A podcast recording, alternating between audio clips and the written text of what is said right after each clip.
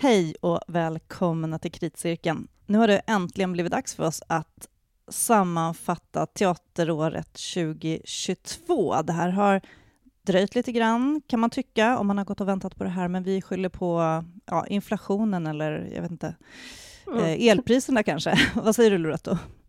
Ja, jo, men definitivt deras fel. Ja, regeringen. ja. Um, jag, jag kollade tillbaka lite. Det, vi gjorde nio avsnitt uh, av Kritcirkeln mm. 2022, så vi har ändå pratat en del, men ett av de avsnitten var ju teateråret 2021. så att, ja. um, mm. Nu kör vi 2022. Uh, eh, det har redan blivit 2023. Um, ehm, mm. Men jag tänkte att vi skulle börja med för det fanns en föreställning som vi eh, skulle ha sett uh, före nyår, uh, men så sköt vi på det på grund av att vi kände oss lite krassliga. Uh, och det var ett fyra timmar långt bråk.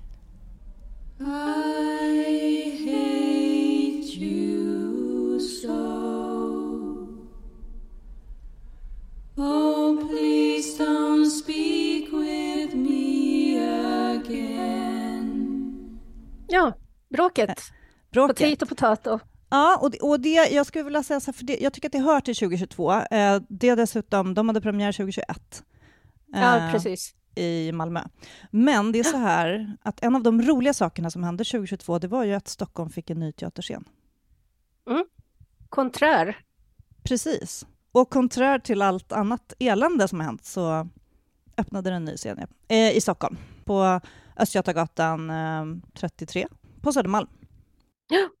Och där var vi alltså och såg det här ja, fyra timmar långa bråket, Loretto, spontant. Mm. Vad tyckte du? Spontant? Ja, nej men alltså jag kan vara en sån som tycker att nej men usch, tre timmar är alldeles för långt och vi och stackars mig och fy fan vad tråkigt. men eh, jag måste säga att det här var ju faktiskt inte tråkigt bråk.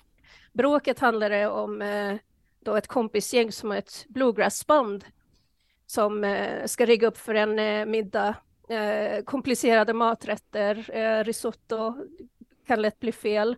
Och de, ska också, de bygger också upp sina liksom små eh, ja, vad ska man säga, utrymmen, fyra hyllor byggs upp. Så att man får liksom under de här fyra timmarna på något sätt följa en eh, dramaturgisk kurva som ehm, eh, ja, följer liksom relationernas uppbyggnad. Alltså de bygger upp scenen inför publiken. Man kan tänka sig att det är deras loger lite grann, eller någonting som de bygger upp. Någonting, någonting. Ja, ja. Ja, någonting, någonting. Ja, Eller de deras karaktärer, liksom, deras space. Liksom. Ja. Ja, jo, men precis. Men det som jag liksom tyckte var så uh, iögonfallande, det var ju liksom att i det här så byggde man ju upp relationen. Man levde i relationen. Uh, man slog sönder relationen och sen så städade man upp relationen. Så det var liksom ungefär det som hände under de här fyra timmarna. Mm. Och det var liksom från början till slut ett enda eh, långt jävla gräl med små ja. instick av eh, fantastisk eh, bluegrassmusik. Ja, som också faktiskt eh, som tog liksom en annan ton på konflikterna, mer det vemodiga, mm. medans, och det var ganska sorgligt. Jag tyckte, alltså det här var ju ett gäng då, ett, de hade ett band ihop, eh, tre kvinnor och en man. Um, mm. På scenen Karin Bengtsson, Jesse Louis Skoglund, Jenny M Jensen och Mattias Lech, eller Läck. Lech, ja. Eh, ja. Um, alltihopa regi, rum, koncept av Freja Hallberg. Um, deras relation, alltså de hugger i varandra, alla har konflikter med alla hela tiden. Det är liksom en, uh, som något stort outrätt. Uh, som, uh, det här var ju då ja, men ett kompisgäng, ett band, men, men relation, alltså alla som har haft liksom kärleksrelationer, fy fan vad jag kände igen mig eh, i de här bråken. Ja, herregud.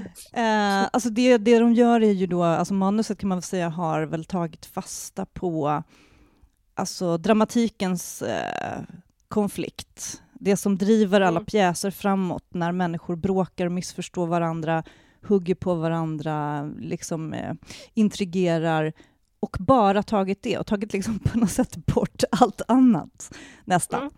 Uh, så att de, de, lyckas, och att de kan bråka så här i fyra timmar. Och som sagt, jag tyckte inte heller det var tråkigt. Jag hade, det var roligt och sorgligt. Det var jag var så himla glad att vi gick dit. Alltså jag kan, jag kan Ja. erkänna att jag lockades dit av uh, bluegrass-musiken, för de har ju lagt ut den Mm. eh, eh, så man kan lyssna på den på, på den här um, streamingtjänsten som, som finns, som är berömd. Mm. Eh, och de sålde också musiken på um, LP i foajén. Mm. Eh, och vi har faktiskt fått uh, tillåtelse att spela lite, så det kan vi ju... Vi kan ge ett smakprov. When I turn my wheels around the corner, I suddenly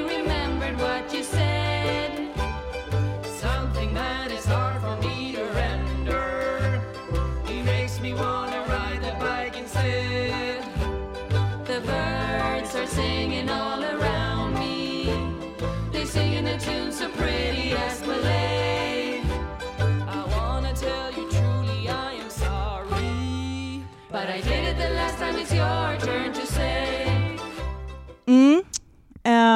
Nej, men som sagt, jag, det, det var musiken som lockade dit mig, för jag tänkte att ehm, med, med bra musik så, kan, så blir det ändå, då har man ändå varit på en konsert. Men jag tyckte att det var en otroligt uh, välsvarvad konflikt som de presenterade. Ehm, Mm. Otroligt eh, bra, eh, bra energi, som man brukar säga. Ja, ja, nej, men alltså det, började, det började ju liksom eh, som en ångvält. Eh, och samtidigt så, liksom så, så otroligt liksom det här med hur eh, man landade, eller tillät sig landa i, i tystnad och lugn, för att de första 20 minuterna och första akten var ju faktiskt att de byggde ihop de här eh, Mm. scenografin eller de här hyllorna. Och då var Det det liksom metallställningar. Mm. Ja, Ja, det var inte Precis. tyst, men liksom, de sa ingenting, men, men hela deras liksom, kroppsspråk och hur Ja. man flyttar på saker. Alltså man kan tänka sig eh, om någon någonsin kanske typ har flyttat isär med någon på grund av konflikter, så här, hur man Mm. packar ihop sina lådor eller hur man flyttar på saker. Så här, mm. med, eh, ja, eller bara liksom smäller i dörrar och den där liksom lite, alltså så det där är liksom lite patetiska. eh, när Mm. man liksom måste klampa lite extra hårt för att man är så jävla förbannad. Ja. Jag tyckte de Ja, fångade det så himla bra. Ehm, och jag bara känner att jag vill aldrig mer någonsin ha en relation efter att ha sett den här föreställningen. Så tyvärr, det blir ett till singelår. Inga relationer alls. Det här är ju liksom ändå ett, eh, ett platoniskt eh, kompis. Alltså, de ligger ju inte med varandra. Ja, inte vad vi vet liksom i alla fall. Nej, Det var i alla fall inte det som var grejen. Nej, nej men precis. Att, ja, nej, usch för relationer. Ska aldrig mer ha en sån. Nej, men det var... Nej, men och alla de här hemska sakerna som människor kallar varandra. Mm. Eh, och hur det sitter i. För det, I och med att de, de var, kunde verkligen gräva upp alla gamla oförrätter som bara kom upp igen. Så här, Någon gång när du sa så där till mig. Och liksom.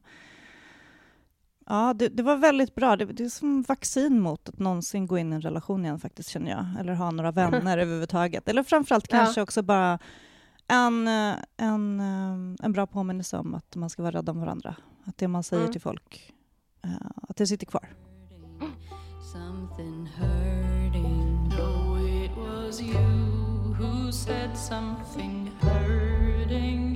Something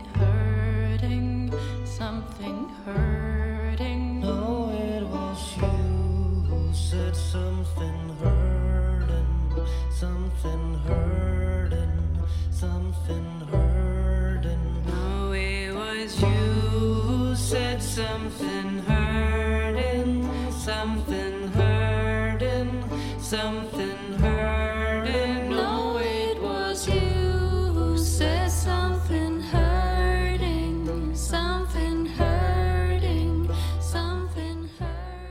Men eh, vi ska inte bråka så himla mycket, tror jag. Jag tänker att det här eh, års eh, teateråret, att vi kan få vara eh, överens eller oöverens, som vi brukar vara.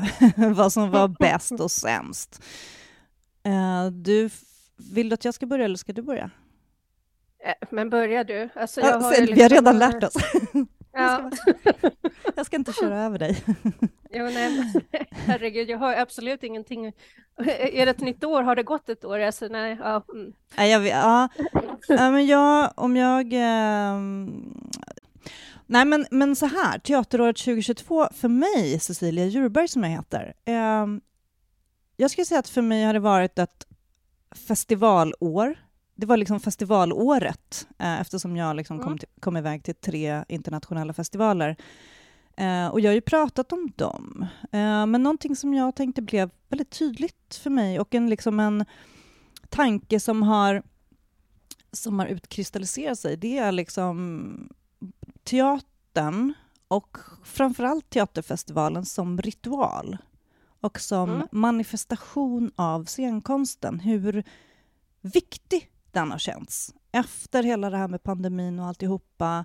Eh, jävla Ukraina-krig, eh, allt som går dåligt. Jag menar ekonomiska kriser som kommer nu.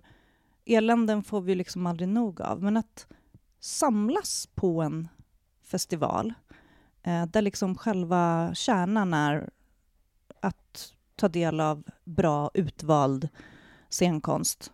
Ehm, det, det har gjort så otroligt mycket för mig. Ehm, Det har Mm. varit jättefint. Och samtidigt också, i det här, så har jag liksom spårat en trend, eller vad man ska säga.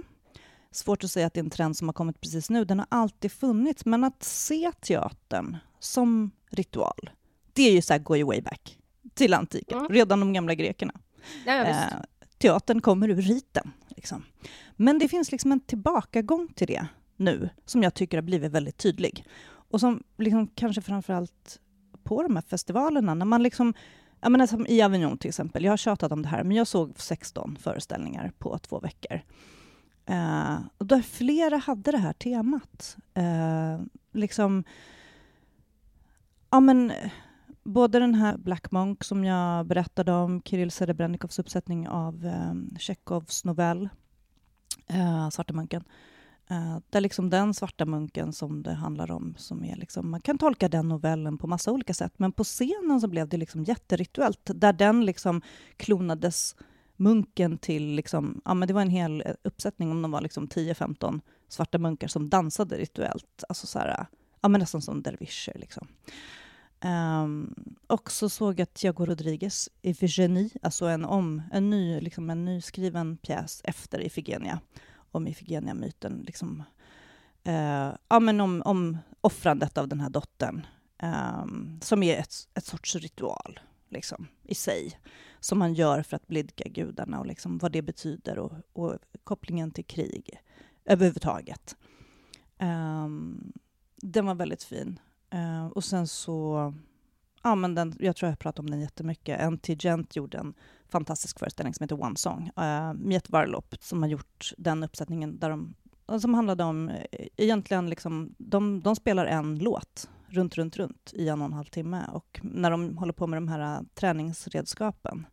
Alltså otroligt rituellt Mm. och liksom till slut så, du vet hur man ser på saker med nya liksom med nya ögon. Eh, när någonting upprepas, när det, betydelsen blir liksom eh, det som händer där just nu.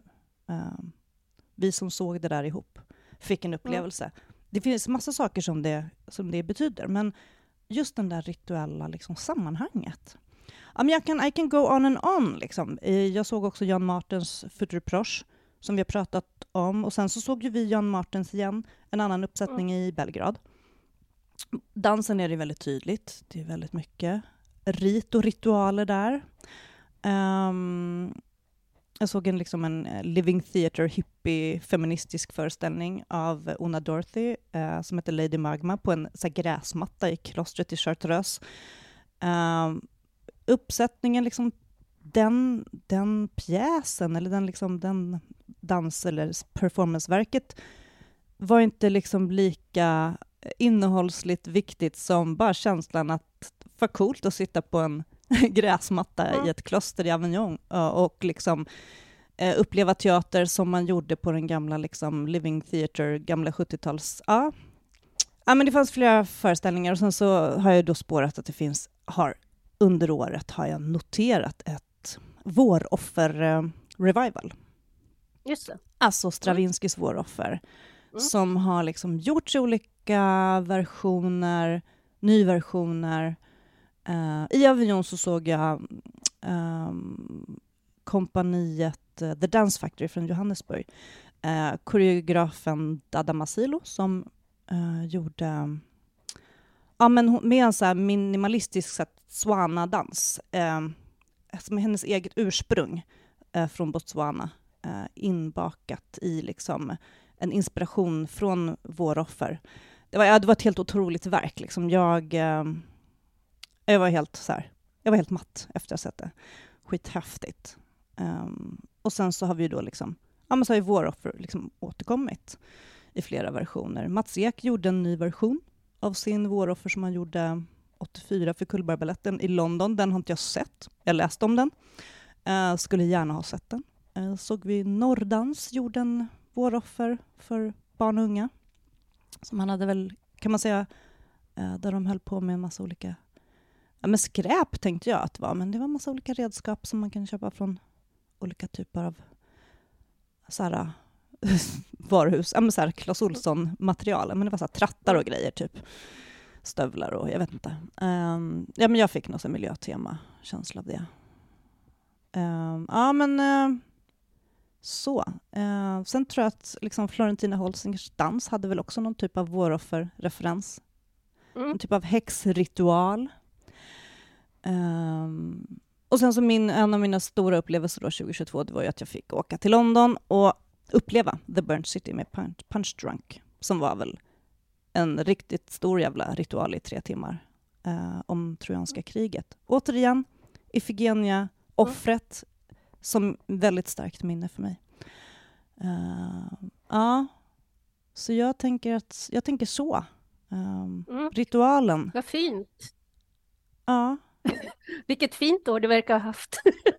Ja, det, alltså när jag tänker tillbaka så det var bättre än vad jag trodde att det skulle bli i början Mm, av 2022.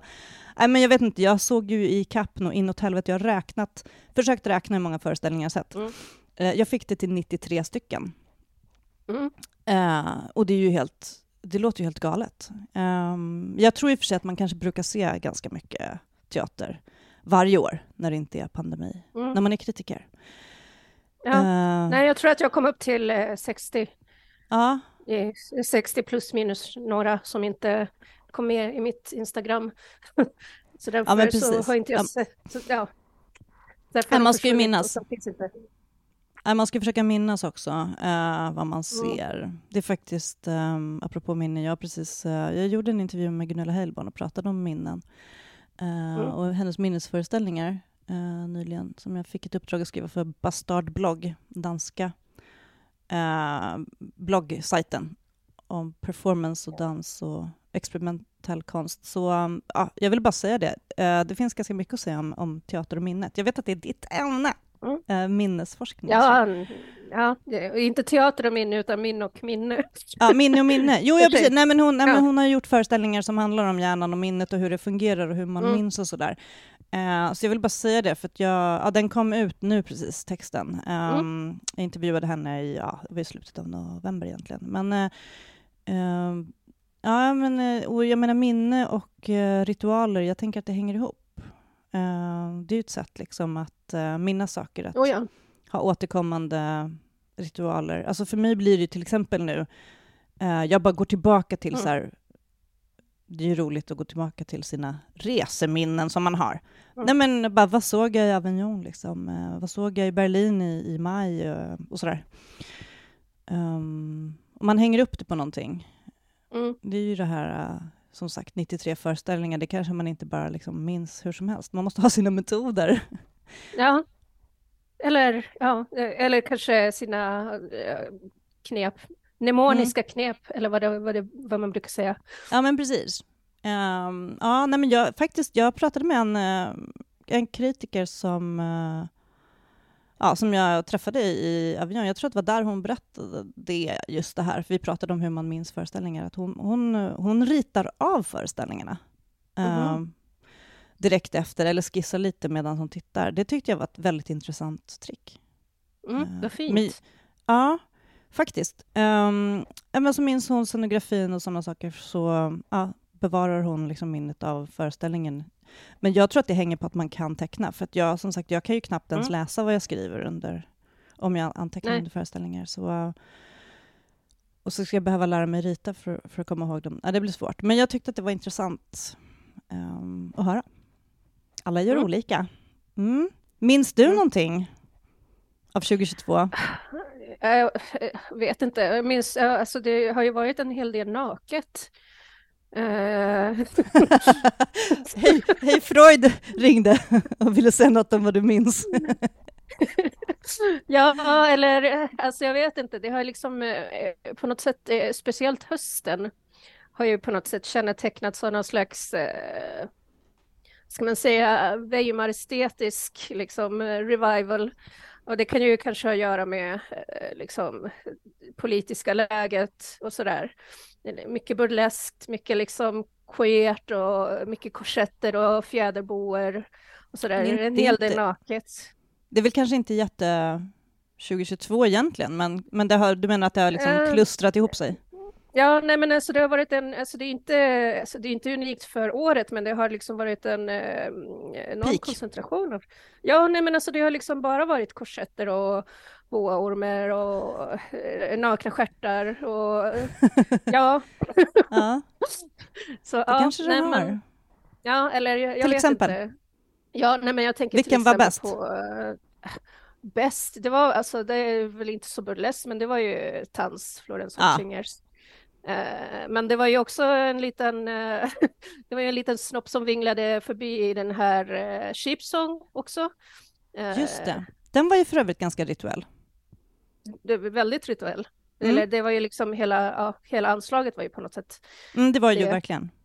Eh, vad ska vi säga, Nakna rumpor, Brudköpet på Göteborgsoperan där de till och med gjorde det här medeltida skissgrejen med trumpeten i stjärten.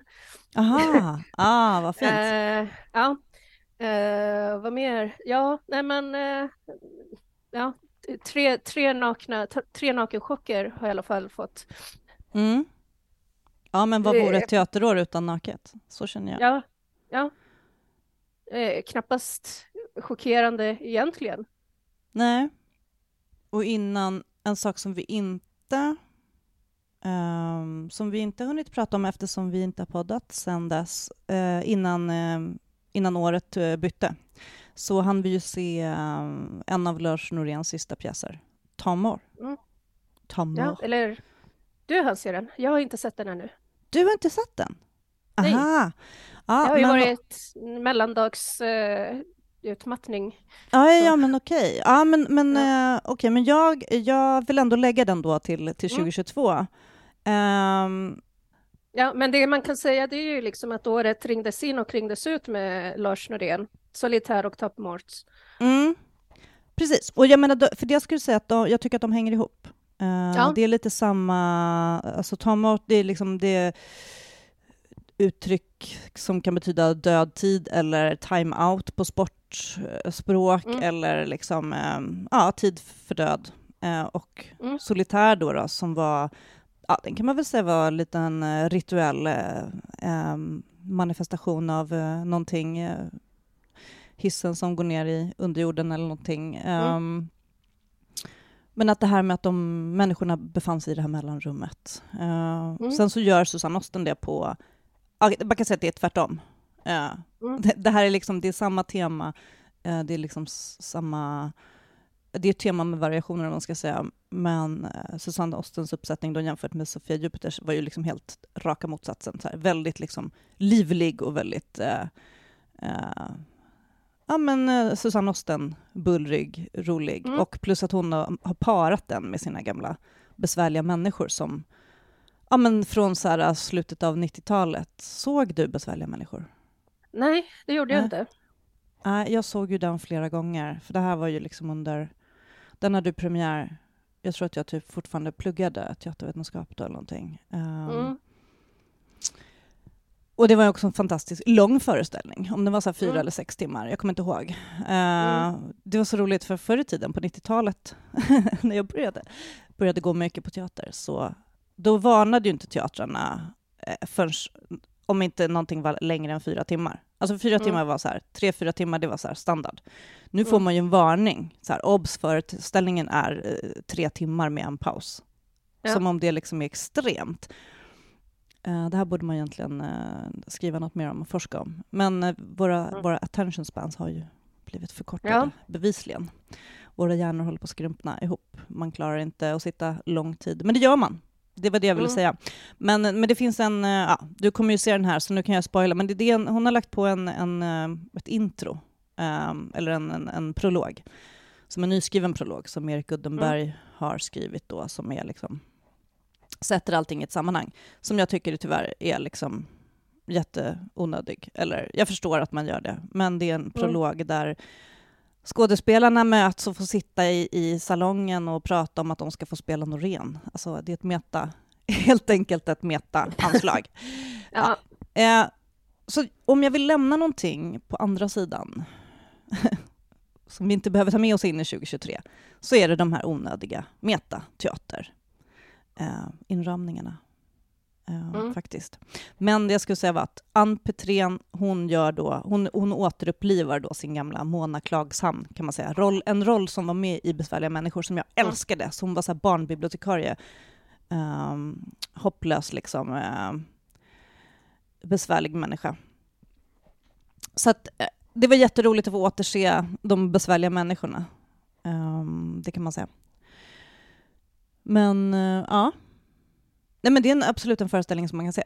Men eh, den, Mm. den, den ganska... Jag tyckte att det, det var liksom, det, det är liksom en kort prolog som är på ja, men så 20 minuter. Där men, alltså alla publiken ska gå in bakvägen och sen så är det ja, en grej med alla stolar på scenen.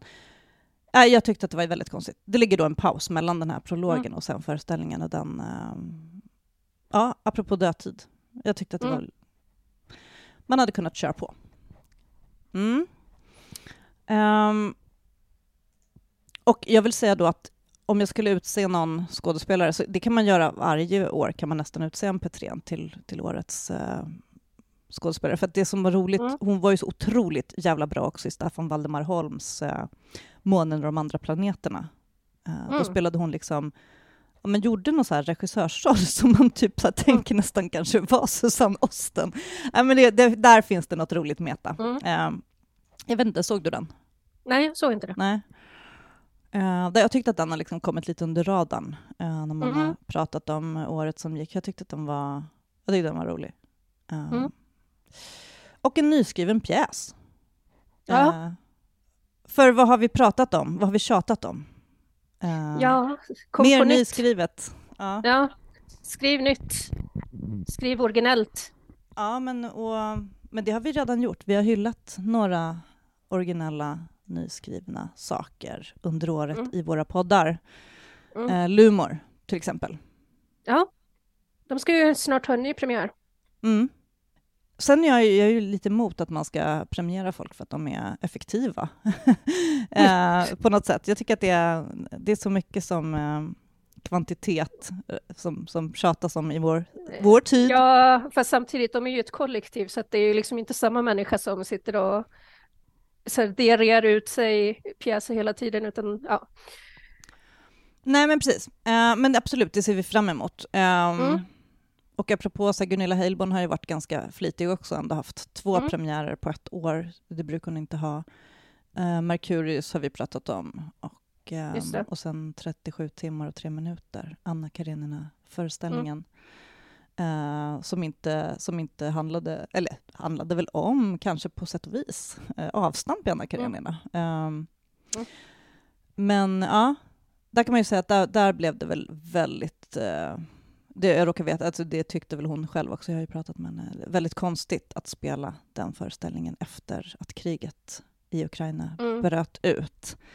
Ehm, inte för att liksom, eh, det är klart att man kan skilja på gamla ryska författare och vad Putin gör, Eh, men ändå, liksom Mm. obekvämt just då. Ja, Eh, Men det hindrade ju inte liksom Dramaten från att sätta upp brott och straff, apropå de stora ryssarna.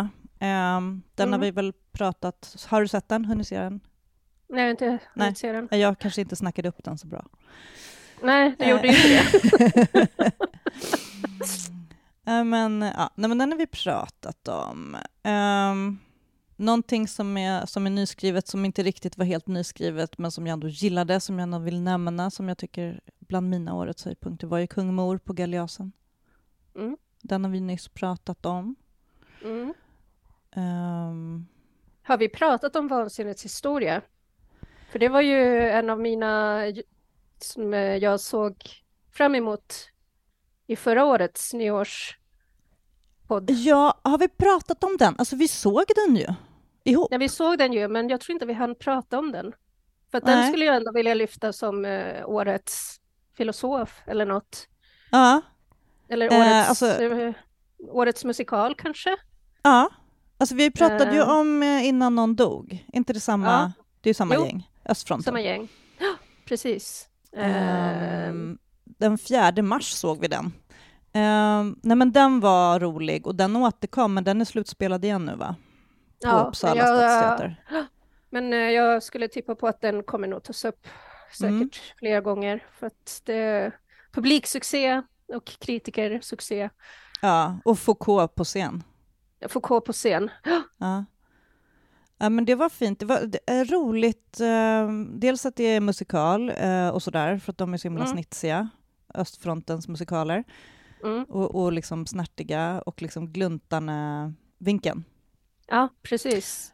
Mm, men också det där miniatyrformatet som är lite imponerande, att man kan använda så, liksom göra så mycket av en sån lilla mini-caféscenen-storlek.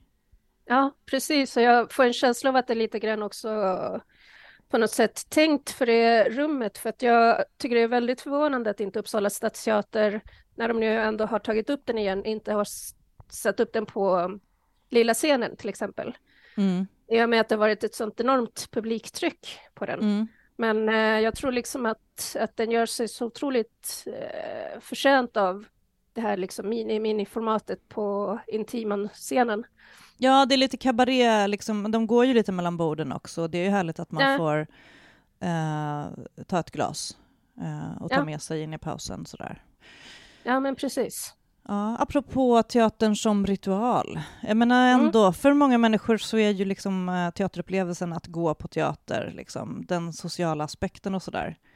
Mm. Ehm, jag kan ändå, jag kan förstå den. Liksom. Mm. Alltså vi går ju på teater ofta ensamma, liksom, utan, Mm. alltså kritiker har inga kompisar. Så, alltså, jag har ju varit på festival ensam och sådär. Mm. Mer eller mindre, fast man träffar ju alltid folk man känner. Men eh, eh, det tyckte jag, och apropå eh, hur viktigt det är med festivaler och eh, med teater, att det är ett sätt, ja men människor samlas kring ett konstverk. Och det Mm. här att man, eh, men faktiskt medan man tittar på det så sitter man inte och håller på med massa andra saker. Man Mm. tjattrar och inte och sådär, även om det på något sätt har väl kommit lite sådana tendenser efter pandemin, att folk sitter och, Ja, med folk, sina eh, telefoner och håller på. folk har blivit så otroligt odisciplinerade apropå liksom, eh, vad ska man säga, kondition och ja, mosiga mobilhjärnor och inte klarar av att hålla uppmärksamheten i längre tid än sju minuter eller vad det är. Mm. Men ja, som sagt, det, det, mm, det, är, det finns nog en annan teaterkultur eh, internationellt där det faktiskt inte riktigt Mm. är så här illa. Alltså jag tänkte på det i Avignon till exempel och i Berlin, men alltså att man ser gäng med unga människor som går på teater ihop. Alltså eh, nej men så här 20-årsåldern. Ehm, Mm. I grupp på föreställningar och liksom, eh, ja, men samlas kring den här ritualen. Att, och jag menar, Avionfestivalen och Teaterträffen till exempel, det är ju såna, alltså folk åker ju dit eh, Mm. som en grej. Ehm, det finns en massa teaterintresserade människor eh, och det finns en annan teatervana, eller vad man ska säga. Ehm, som jag tror att det som eh, kanske svensk teater upplever som en kris är väl att eh, man tror att scenkonsten bara konkurrerar med liksom Netflix. Mm. Och att det, då kommer det såna här styggelser som att man försöker härma någon typ av så uh, Netflix-berättande eller så här true crime-grejer. Mm. Ja, hej. Ja, men det har jag. Alltså jag har ju redan pratat om det. Jag behöver Mm. inte gnälla på det ännu mer.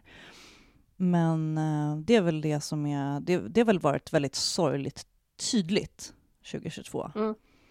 Den otroliga ängsligheten att framförallt svensk teater eh, bara försöker härma göra teater av andra redan beprövade saker.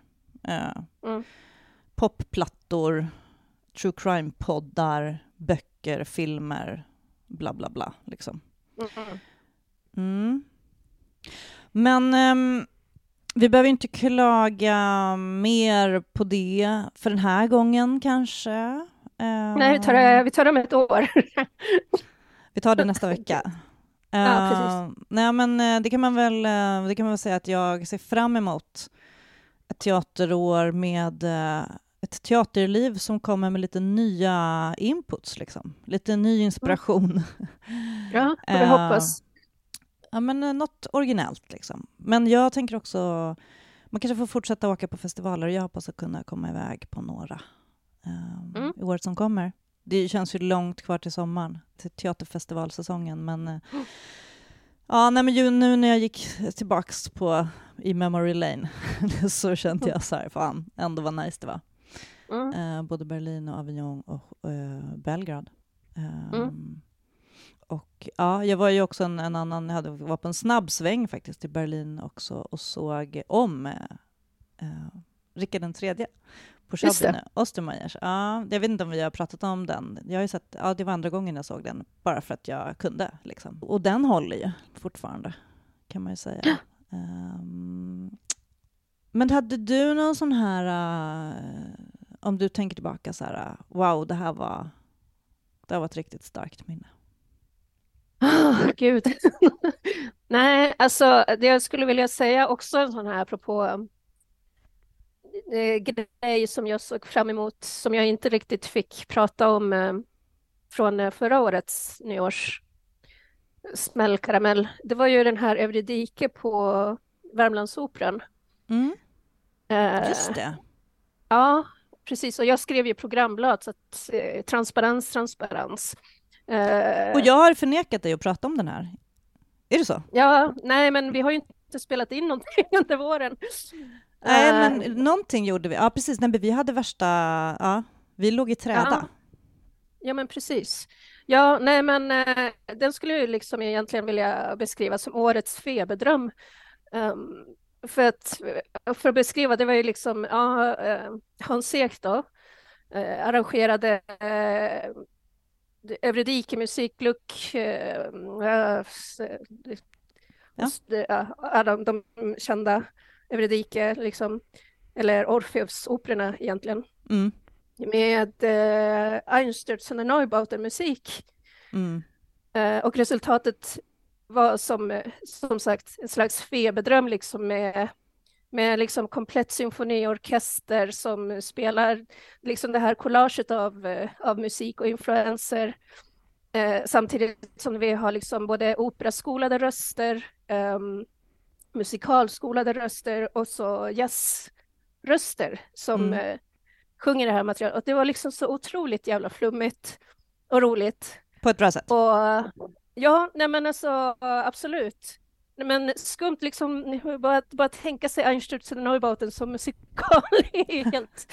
är helt Nej, men det Ja, låter ju alltså, som att det tarvar en och annan ja, drink, ja, minst. Jo, Mm. det tarvar några drinkar och nej men jag, jag tycker också att det var så otroligt skönt att det var så vanvördigt just gentemot Neubauten liksom. För för att det, det kan liksom vara lite så här no-go och liksom våga göra det lite töntigt. Det tyckte jag, det uppskattade jag väldigt mycket.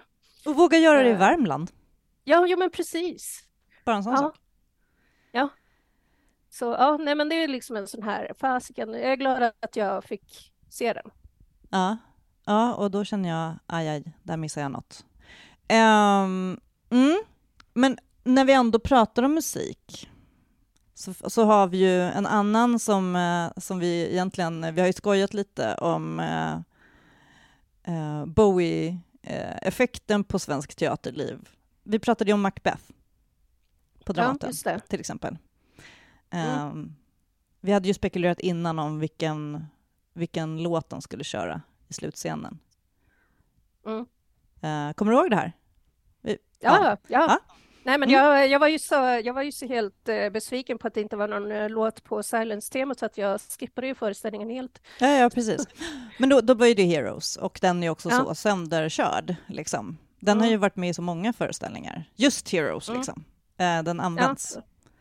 Den, är, Mm. den är använd. Eh, och så har vi ju pratat om, alltså på Moment, eh, till exempel, i Gubbängen. Eh, där är ju Bowie husgud och där var ju Bowie med på scenen som eh, Gustav Ja, just III i Just det. Ankarström. Pang sa Ankarström. Det har ju varit ett, eh, det har ju varit ett Gustav III-år kan man säga. Det har ju faktiskt varit ett jubileumsår, eller vad ska man säga? Mm. Eftersom, eh, ja, sen han sköts helt enkelt. Mm. För det var ju 1792, så det var ju jämnt antal. Ja, just det. År, Ja, men det har ju 2022. varit lite, lite drottningens juvelsmycken och lite tintomaror här och var eh, runt om i landet. Så vi faktiskt inte har pratat om så mycket. Men ja, ja. Nej, vi har inte pratat så mycket om det. Eh, vi såg inte, jag såg inte drottningens juvelsmycke. Uh, Nej, inte På heller. Eh, så att Tintomara såg jag på Läckö. mm. Slut. Ja. Nej men precis, för att det brukar ju vara så att teatrarna har koll på när det är någon typ av liksom jubileum. Ehm, Så. Men eh, teatrarna, jag ska säga tack och lov, har ju Mm. i princip svensk teater har ju förbisett ett enormt jubileum. Det var ju Molières Mm. 400 års Ja, just det. jubileum. Mm. Och jag kan säga här, jag, jag tycker att det är lite skönt, eh, faktiskt. Jag, jag är inte jätteförtjust i Molière. Eh, eller förtjust, eller vad ska jag säga, jag tycker att svensk teater ofta gör ganska tråkiga Molière-uppsättningar, så kan jag säga. Mm. Ehm, men det är anmärkningsvärt. Det, Mm. det är helt fascinerande. Eh, hur, för att, ja, det brukar ändå komma som ett litet brev på posten. Mm. Han är ju liksom på något sätt gratis att spela också. Royalty free vid det här laget. Ja. Ehm, så det var, det, det, det, tyckte jag ändå var, det, men det var årets överraskning. Men jag kände så också att jag vill inte, jag vill inte påminna dem heller för tidigt om att jag saknade Molière i repertoaren. Eh, men Molière har ju spelats eh, i Sverige. Ja. Det är väl som har spelat Molière i Göteborg, va? Eller? Mm. Ja, Vilken är det? Folkteatern? Ja. Mm. Men vi har ju inte sett. Så att jag menar, Nej. så därför gills den inte. Eh, jag Nej. såg ju en rolig Tartuffe i Berlin, där de hade Mm. parat Molière med Piketty, eh, vilket jag kände, Mm. det var ju motiverat. Men eh, åter till Bowie. Eh, Bowie var ju med i Gunilla Heilborns Mercurius, Just det. vilket var roligt. Eh, och då var det ju inte Life on Mars eh, i, på det där rymdtemat, utan det var Five years. Vilket bara, jag bara känner var så här, ändå intelligent och klurigt. Konstigt. Mm. Ehm, ja, jo men jag tror väl, var inte, jag tror att Bowie var med i uh, Staffan Valdemar Holms också, Månen och de andra planeterna. Det kommer ju en ny stor Bowie-utställning på Kulturhuset i Stockholm, som öppnar alldeles snart. Så jag tänkte att så här, har det varit någon smyg, eh, liksom, du vet, produktplacering. Men Bowie är ju Bowie, han är ju, man gillar ju Bowie. Det är väl också någon Bowie-film också nu? Ja. I dagarna så var det ju precis också årsdagen av att han dog, 10 januari. Mm. Mm. Hade vi några mer spaningar? Kulturbråken? Det Kritikbråken? var det några kult. Ja, nej men eh, senaste kritikbråket typ uh, pös ju ut i världen för att det började, det blev krig. Mm. Vilket kritikbråk pratar vi om då? Ja, men eh, det var ju Jack Hildén som tyckte att kri- svenska kritiker var dumma i huvudet för att han inte fattade vad folk såg i tiderna vårt hem. Ja, ja, just det. Ja. Ja, det hade ju varit ett eh, roligt liksom, kritik, rolig kritikdebatt liksom, om eh, ja, Mm. svenska kritikers seghet, men sen så bröt ju kriget ut så det är en, eh, den liksom, Det blev ett Ja. bättre krig. Eller på säga, usch, sämre. Ett Nej. riktigare krig, förlåt. ja, Ja. Ja. Nej, men jag vet inte om det egentligen så kan kännas att det tjänar inte så himla mycket till att bråka om eh, att, tyck- att man tycker olika, för jag tycker att det är bra att man tycker olika. Men ehm, Mm. det är såklart att det är ett problem om det, om det blir en allt för mycket likriktning. Jag har ju en, eh, jag skulle kunna dra igång ett, ett bråk, eh, eller en kritikdebatt om jag vill. Jag tycker liksom att um, kanske framförallt risken för uh, både för svensk teater men också för svensk teaterkritik, att det finns en stor risk att den blir väldigt provinsiell. Um, Mm. Och vi har ju ändå, nu ska vi ju då, kan, kan vi slå oss för bröstet uh, eftersom vi med Svenska Teaterkritikers Förening har dragit igång en ny podd för att på något sätt ändå lite, ja, angripa någonting, men problemet att man inte, att kritiker inte reser runt i Sverige och att kritiken på landsorten är så otroligt eh, obefintlig på många sätt. Mm. Eh, och att det som händer i landsorten inte bevakas av riksmedier, av kritiker. Mm. Eh, men det finns ett jättestort problem där. Eh, och nu har ju vi då ja, försökt åka lite runt. Du och jag har ju varit i Västerås till Mm. exempel. Det är ju inte så långt. Det är inte så lång resa. Nej. Men, eh, men eh, man kan ju, om man är intresserad så kan man ju lyssna på de poddarna. Eh, Teaterkritikerna heter de. Yes. Eh, det är som Kritcirkeln fast med en till. Ja. Och på scen. Ja, eh, och inte vi varje gång. Mm. Men du har gjort Ja, flera. du har gjort två avsnitt, Mm. va? Mm. Eh, jag har klippt flera, så det känns som att jag är väldigt delaktig. Men, ehm, men jag tycker att det är roligt. Men, jag, men, men, men det jag skulle säga är det som är... jag menar, alltså för att bli en bra kritiker så måste man se mycket scenkonst och skriva mycket. Det har vi sagt Mm. hundra gånger. Mm. Ehm, men att se scenkonst som är utanför sin egen liksom, badbalja. Det Mm. vill säga utanför sin stad, utanför sitt land. Och hur ska man göra det då, när man inte har råd? Det är svårt. Ja, Men nej, men återigen, visst. festivalerna, folks. Det blir tydligt att vi saknar internationella festivaler i Sverige också. Mm. Ehm, jag tycker att Dramaten under liksom Mm. ramen för Bergmanfestivalen, eller man ska säga, har tagit in bra gästspel i år. Ehm, Edward Louis, gästspelet, Får, Sheepsong och sen Dead Center ehm, som. Ja, kom. Irländska kompaniet som kom och gjorde den här Chekhov, eh, ja, Chekhovs First heter deras uppsättning. Eh, pjäsen heter Platonov, eller har hetat det tidigare. Den har spelats tidigare i Sverige, och, men den är inte så jätteintressant, Tjechov Mm. egentligen. Men de gör ju en grej i och med att de gör den med hörlurar. Publiken får hörlurar på Mm. sig. Eh, väldigt roligt koncept, men väldigt typisk festivalföreställning eh, och så. Mm. Som...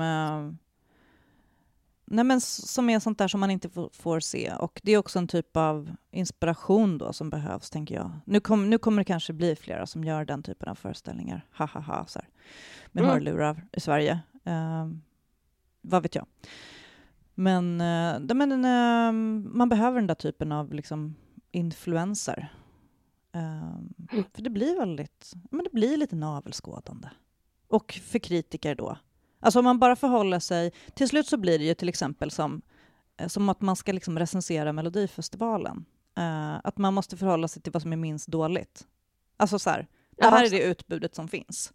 Eh, och då istället för att använda minst dåligt så säger man det här var jätte, jättebra. Ibland blir jag jätteförvånad över vissa andra kritiker som hyllar någonting nå- helt otroligt. Så man känner så här, men gud, det här det var väl en okej föreställning, men vad har man att jämföra Mm. med? Det är ju för att man kanske har haft väldigt dåliga andra föreställningar att jämföra med. Det blir ju lite konstigt. Mm. Eller det är konstigt att förhålla sig till kvalitet på det sättet. Eh, sen kanske man bara blir... Alltså jag kanske har sett för många föreställningar. Det kanske är därför jag liksom bara... Ah, så här, ingenting var riktigt bra. men, eh, men jag tycker inte att kritik bara handlar om bra eller dåligt. Jag tänker att det handlar väldigt Nej. mycket om vad man har för att, liksom, att anlägga perspektiv på någonting. Och, ehm, man, man behöver också anstränga sig lite för att vidga sina referensramar.